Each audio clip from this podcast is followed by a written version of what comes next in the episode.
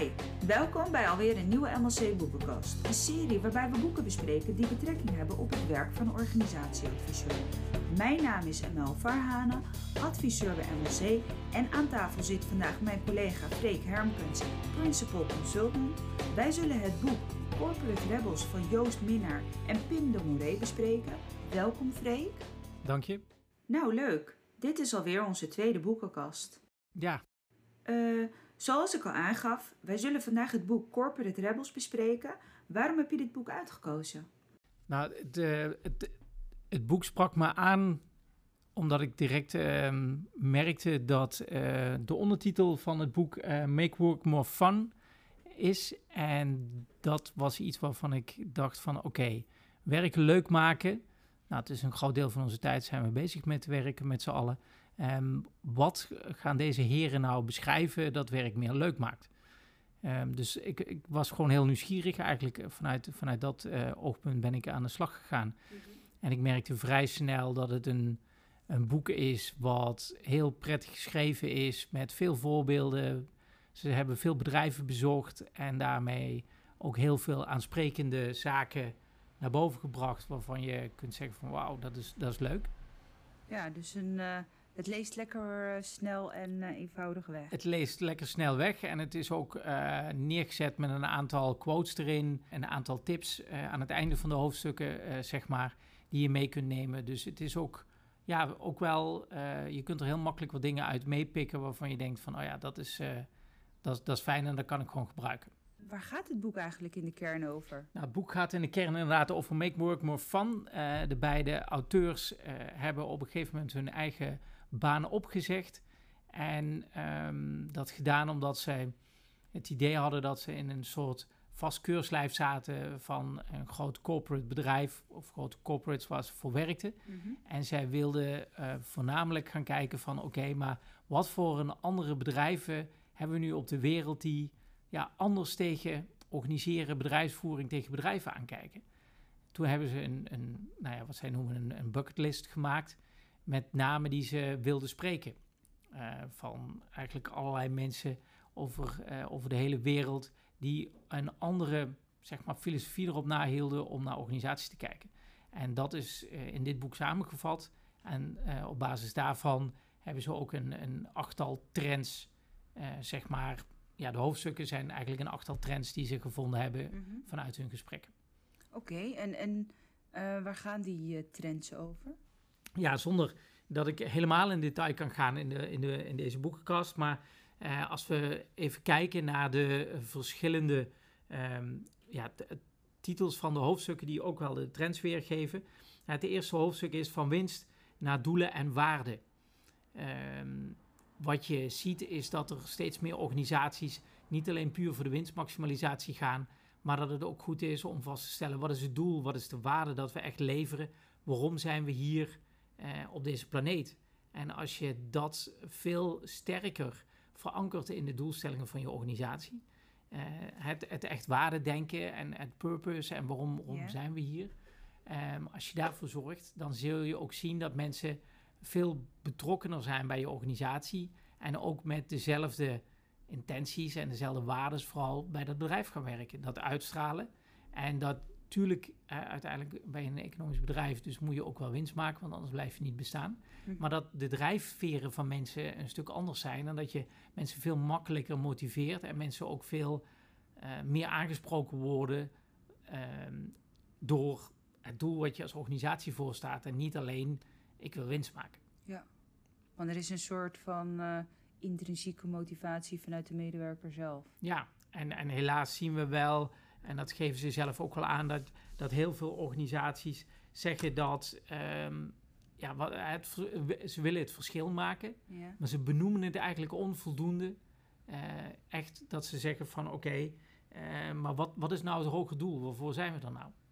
En ik denk dat dat zeker in de toekomst heel belangrijk gaat worden voor organisaties.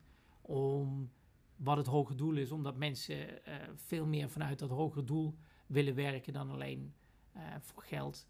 Geld is belangrijk, maar het is, er zijn andere dingen die eh, in de toekomst ook veel belangrijker nog worden eh, in je werk.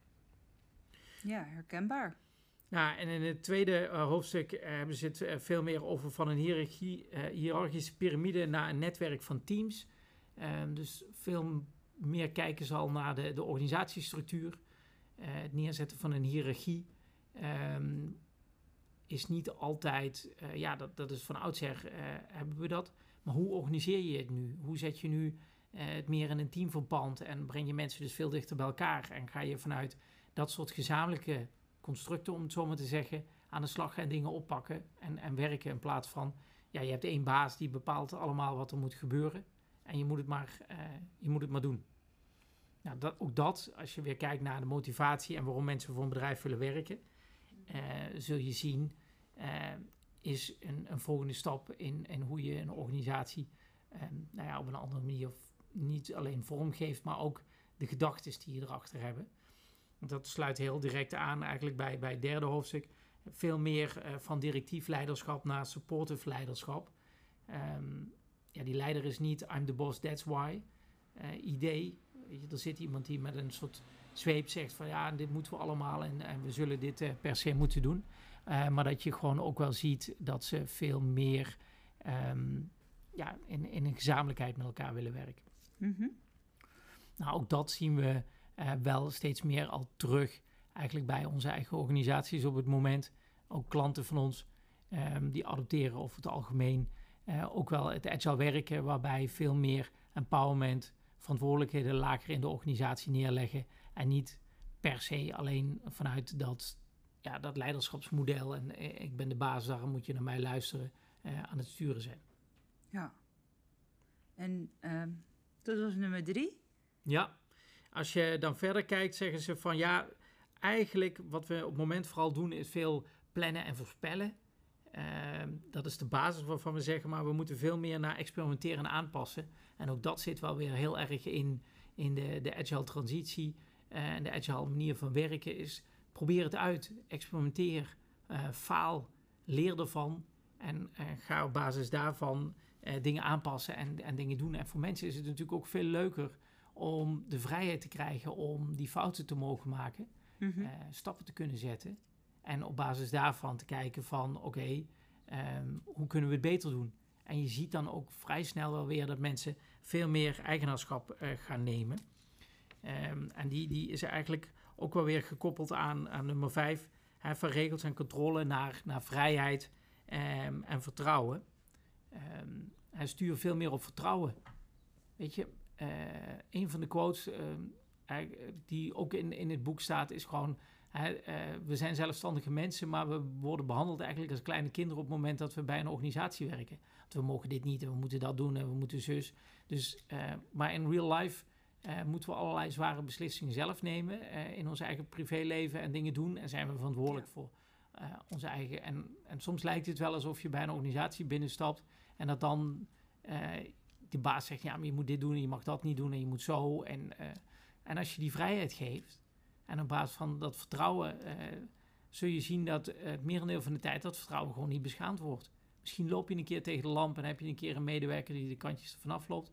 Maar in de basis zul je zien dat als je um, uh, tegen iemand zegt: Ik vertrouw jou en ik weet dat je het, beste doet, dat iemand misschien zelfs harder gaat lopen en misschien zelfs meer gaat doen, omdat hij juist dat, die vrijheid en dat vertrouwen voelt. En het eigenlijk veel spannender vindt om, om het niet te doen dan uh, in een andere situatie. Ja, zeker. Dan heb je um, ja, eigenlijk de hoofdsucces gaat er over meer de centralisatie naar een gedeelde autoriteit. Um, en dat wil gewoon zeggen van, nou ja, we, uh, ook hier wel weer veel meer. Um, en niet alles ligt centraal. Niet, niet één centrale unit die, die alles bepaalt en doet. Uh, maar autoriteiten en mensen, en mensen die een voortrekkersrol kunnen nemen, die kunnen op meerdere plekken in een organisatie zitten. En dat hoeft niet per se iemand te zijn die op, als achtergrond heeft van ja, ik ben de baas of ik ben manager of uh, noem het maar allemaal even op, uh, zeg maar. Um, nou, van gezamenlijkheid en naar radicale transparantie, dat is uh, het zevende, uh, de zevende trend, het zevende hoofdstuk wat ze zien. En um, ja, dat is eentje waarvan ze zeggen van ja, maar laat maar zien wat er gebeurt binnen een organisatie. Heel vaak zijn we heel erg sceptisch over um, besluiten die genomen worden, hoe worden ze genomen. Uh, we houden het een beetje hash-hash. Salarissen zijn niet altijd even transparant. En misschien zijn er sommige dingen ook wel gaan te ver voor sommige organisaties. Uh, maar je ziet in een aantal voorbeelden dat het vaak wel werkt. Als je tegen de medewerker bijvoorbeeld ook zegt: bepaal zelf maar wat je denkt dat je waard bent. De grootste angst is dat iemand zegt: Oh, maar die medewerkers gaan allemaal tonnen vragen of dingen doen. Maar uiteindelijk, omdat het transparant is, gaat de collega ook zien. En nou, middelt zich dat ook wel weer uit. Dus die transparantie die zorgt er ook wel weer voor dat als we met z'n allen weten hoe we ervoor staan, uh, hoe de vork in de steel zit en hoe we willen werken. Um, ja, zul je ook gewoon merken dat, dat mensen die transparantie waarderen en dan ook niet meer stiekem allerlei dingen gaan doen. Ja. En de, de laatste, en die vind ik zelf, ik vind ze allemaal wel mooi, maar de laatste van functies naar talent uh, en ontwikkeling. Um, en met name daar zie ik ook wel dat je ja, we hebben altijd functietiteltjes. Uh, hebben we bij ons op kantoor, maar je ziet het ook bij heel veel van onze klanten. En is het waarschijnlijk gewoon wel heel gaaf om uh, te zeggen van ja, maar dat, die titel maakt niet uit, maar we, ik wil jou ontwikkelen. Ik wat is jouw talent? Uh, waar ben je goed in? En hoe kun je je next step zetten in jouw carrière en dingen doen? Nou, dit is even heel snel en heel hoog over waar het boek over gaat. Um, maar je ziet daar al vooral eigenlijk gedeeld eigenaarschap, transparantie, mensen meenemen um, ja, mensen veel meer betrokken maken bij die organisatie. En um, vanuit dat gezamenlijke doel zo'n organisatie neerzetten. En dat zorgt er wel heel erg voor dat mensen ja, zich veel meer betrokken voelen. En, en nou ja, de, de payoff die ze hebben, make work more fun. Ja. Dat voor, voor veel mensen dat betekent van, nou, ik vind het werk echt veel leuker op deze manier. Ja, zeker. En als ik dit dan ook zo hoor, dan denk ik, maar misschien is dat een aanname hoor. Maar als organisaties hier rustig naartoe werken, dan zijn ze klaar voor de, de next generation als zij starten met werken. Want daar ligt uh, veel de, ja, de transparantie, uh, vrijheid. Um, dat is wel waar veel jongeren uh, naartoe willen. Of, ja, een soort van je, je, je, je, ziet natuurlijk, en je ziet het ook bij de, de, de grote organisaties. We hebben op momenten allemaal, is het lastig om mensen te binden. Ja. Uh, zeker als het economisch goed gaat, is het nog lastiger.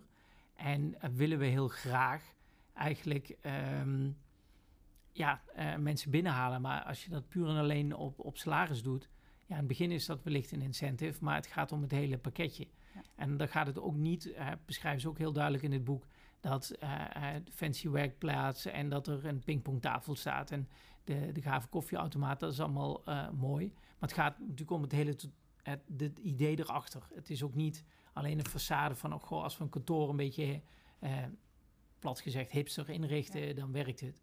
Um, maar ik denk zeker dat dit uh, voor, voor veel organisaties wel, wel uh, een belangrijke stap kan zijn. Om op die manier wel ook naar je, je mensen te kijken. En hoe kun je mensen boeien en binden binnen je eigen organisatie. Ja, zeker. En um, ja, we zitten natuurlijk nu in, in, in, uh, in een nou ja, vervelende tijd hè, met COVID. al voor velen van ons, wij werken al anderhalf jaar thuis.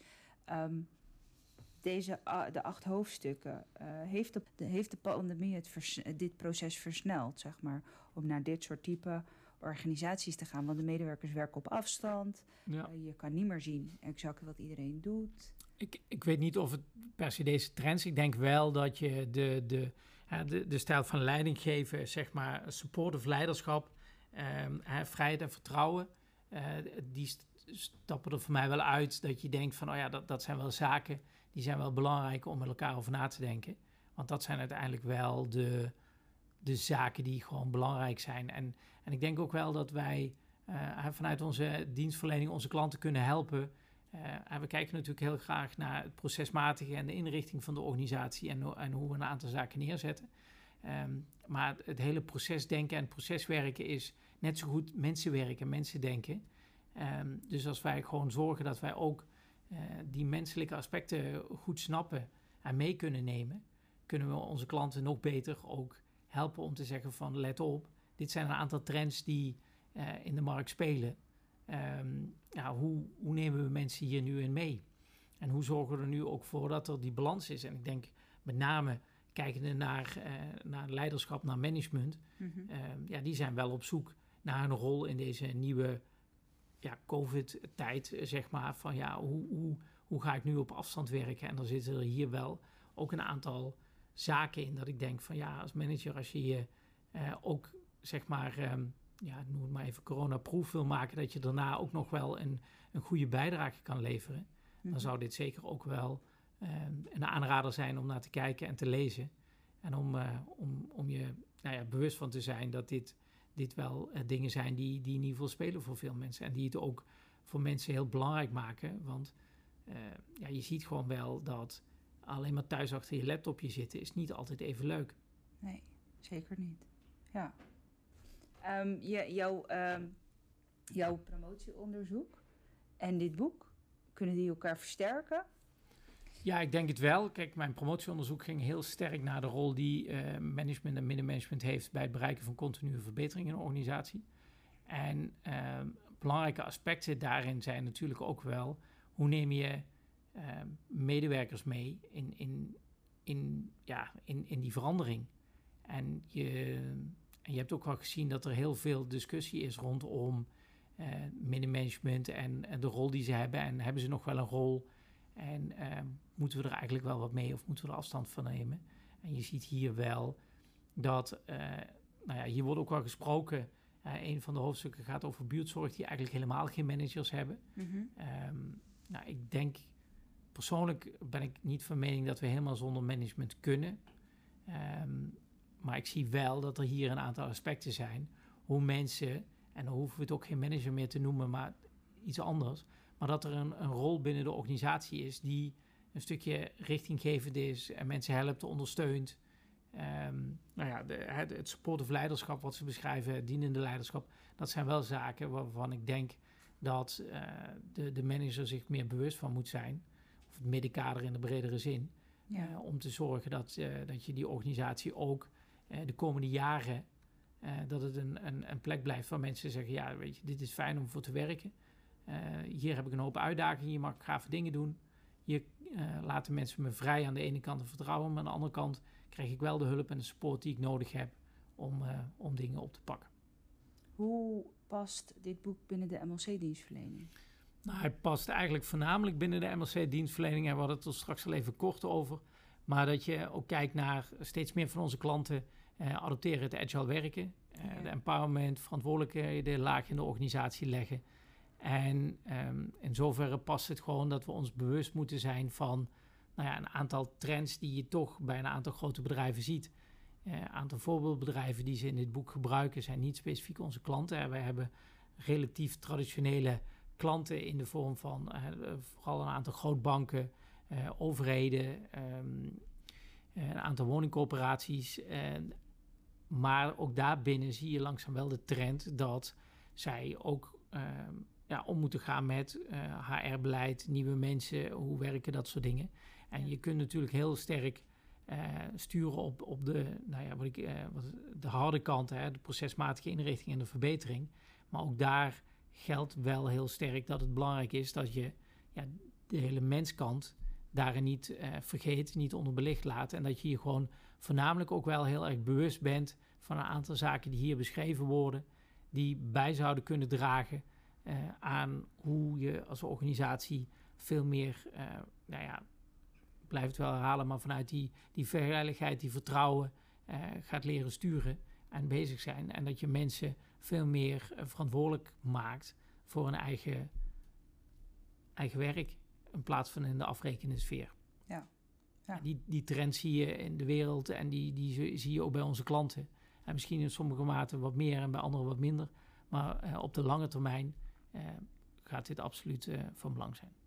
En, en eh, wat, wat zou volgens jou de eerste stap voor die grote, of in ieder geval voor traditionele organisaties moeten zijn om eh, te kunnen veranderen?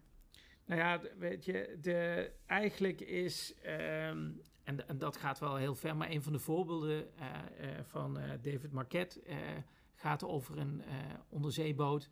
Eh, waarin een eh, kapitein of eh, de, de, de baas van, van, van die onderzeeboot zegt: Ik geef geen bevelen meer, want als ik de foute bevelen geef, volgen jullie ze zomaar op en gaan we er allemaal aan. Mhm. Ehm, en ik denk dat voor een aantal grote organisaties de eerste stap gaat zijn dat ze eigenlijk veel meer kaders scheppen moeten worden. Als, als leidinggevende, als managers, als product owners, als nou, de, alle rollen die je maar kunt bedenken die iets in de sturende sfeer hebben. En veel meer kaderscheppend zijn en de mensen zelf de dingen laten oppakken. En we zijn ook altijd heel erg genegen om te zeggen, ehm, niet alleen wat, hè, dat zou heel mooi zijn, geven aan wat er moet gebeuren en hoe laat je over aan de mensen zelf. Maar heel veel uh, organisaties hebben nog mensen op allerlei posities zitten die zich heel erg met het hoe bemoeien. En laten dat niet aan de mensen over. Maar wat ik me dan afvraag, hè, zeg maar, uh, er zijn organisaties waar de hoe ook wordt bepaald. Op het moment, uh, dat heb ik gezien, op het moment dat er kaders mee worden gegeven en er wordt gevraagd van bepaal zelf hoe de hoe eruit ziet, mhm. dat, er, um, ja, dat er soms best wel wat verwarring kan ontstaan, zeg maar. Dus wat ik heb geleerd is dat je niet zomaar uh, nou, medewerkers kan vragen: oké, richt de hoe maar in. Nee, dat, dat, kunnen ze ook belichten. Maar daar komt wel weer die kaderscheppende en die supporterrol. Dus, en daarvoor zeg ik ook dat ik denk dat een aantal van onze organisaties er nog niet aan toe zijn dat er geen, helemaal geen hiërarchie is of geen managers, zoals eh, in het voorbeeld van buurtzorg in, in het boek. Ja. Uh, ik denk dat er voor een aantal mensen nog wel uh, iemand moet zijn die ze daarbij helpt en ze dat leert. Het is ook niet dat we opeens van wat we nu hebben hè, van die grote hiërarchische bedrijven, dat je binnen no time kan zeggen, uh, nou, we, we snijden uh, alle, alle, het hele middenmanagement eruit en dan, dan gaat het vanzelf, gaan we wel, worden we platter en dan gaan we agile werken. Ja. dus ook hier zit wel, als je kijkt naar het boek en naar een aantal van die voorbeelden, dat is niet dat je binnen een dag opeens een complete andere cultuur hebt. Bij sommige bedrijven wel, maar dan lag het ook een beetje aan de noodzaak. Maar over het algemeen Ehm, als ik hem puur even betrek op een aantal van onze klanten, denk ik ja, dat je met die stapjes moet beginnen, maar wel mensen die ruimte moet gaan geven om over die hoe na te denken. Ja. En dat ze het nog niet helemaal kunnen, dat is ook geen probleem. Maar nu uh, laten we dat bijna helemaal niet toe onder het kopje van, nou ja, het voorbeeld wat ik gaf. Als we thuis zijn, zijn we verantwoordelijke volwassenen. En eigenlijk, wat ze ook letterlijk zeggen, uh, waarom veranderen we dan in een puber zonder vrijheid eigenlijk als we bij hem op ons werk komen? Nou, dat, dat zijn wel belangrijke vragen om over na te denken. Ja, eens. Helemaal mee eens. Um, heb je zelf een praktijkvoorbeeld waar jij uh, hebt gewerkt als adviseur waarvan je zegt, ja, die zijn op de goede weg. Die zijn vooruitstrevend hierin. Nou ja, echt, de voorbeelden van het boek, dat zijn wel alle uh, uh, de, de, de echt, echte pioniers op dit vlak. Dus die, die, die wel heel ver gaan in, in, op een andere manier naar een organisatie kijken. Ehm, ik moet eerlijk zeggen dat ik vrij uh, veel ja, zeg maar traditionele bedrijven uh, als, als klant heb en waar ik, waar ik mijn opdrachten doe. wat ik wel steeds meer terug zie komen is dat we veel bewuster omgaan met de doelen, de ontwikkeling. Ehm, wat willen medewerkers nu? Ehm, en dan maakt het niet uit of medewerkers net binnen zijn of ook al langere tijd voor die organisatie werken dat ook daar wel steeds meer uh, de aandacht is voor, uh, nou ja, zeg maar talentontwikkeling en niet zozeer, uh, oh je zit op functie X of Y, maar wel van wie ben je als mens, hoe kunnen we je behouden voor de organisatie, hoe kunnen we wellicht er ook wel voor zorgen dat je binnen die organisatie een keer een andere rol of een andere functie krijgt, zodat het wel leuk en uitdagend blijft. Dus um, ja, helemaal dit soort voorbeelden, die, die vind ik nog wel lastig, zeg maar. Om echt te vinden in mijn eigen klantenkring. Maar ik zie langzaam wel dat we veel bewuster omgaan met de mensen en, en het werken en het opleiden van mensen. En dat is wel heel prettig om te zien. Ja, zeker. En um, we werken natuurlijk allebei voor MLC, hè? Ja. Um, kunnen we een uh, link leggen tussen MLC en dit boek, zeg maar? Jazeker. Um, ik, uh, en ik denk ook wel, we kunnen absoluut ook nog dingen leren van het boek, uh, zeg maar. maar Um, je ziet wel al dat wij, en dat is in de laatste jaren ingezet, dat we veel bewuster met talentontwikkeling, en we hebben nu talentcoaches, um, en bewuste aandacht eigenlijk op, op hele frequente basis, dat een talentcoach met een, een consultant spreekt, uh, kijkt naar de ontwikkeling, de doelen, zit iemand nog goed in zijn vel, doe je een uitdagende leuke opdracht, um, ja, en, en ik denk dat we daar wel hele grote stappen hebben gezet, eh, zeg maar. Ehm, ik denk ook nog wel dat we op een aantal vlakken nog wel wat stappen kunnen zetten. Ehm, omdat we gewoon, ja, we zijn wel een, een heel, uh, ja, van huis uit gewoon een adviesbureau. En die, die natuurlijk uh, heel erg ook wel kijkt naar van, oké, okay, uh, welke dingen doe je nu voor je klant en ben je met de juiste dingen bezig en dat soort zaken. Um, maar je ziet ook wel, ook in de huidige tijd met COVID, dat we daar wel weer van en veel hebben geleerd dat ook, en wij hebben ervan geleerd als organisatie, maar ook onze, onze klanten. Ja. Dat je gewoon blijkbaar niet, uh, als je ook niet vijf dagen iemand ziet, dat iemand toch wel met de juiste dingen bezig is. En heel erg weer vanuit dat vertrouwen.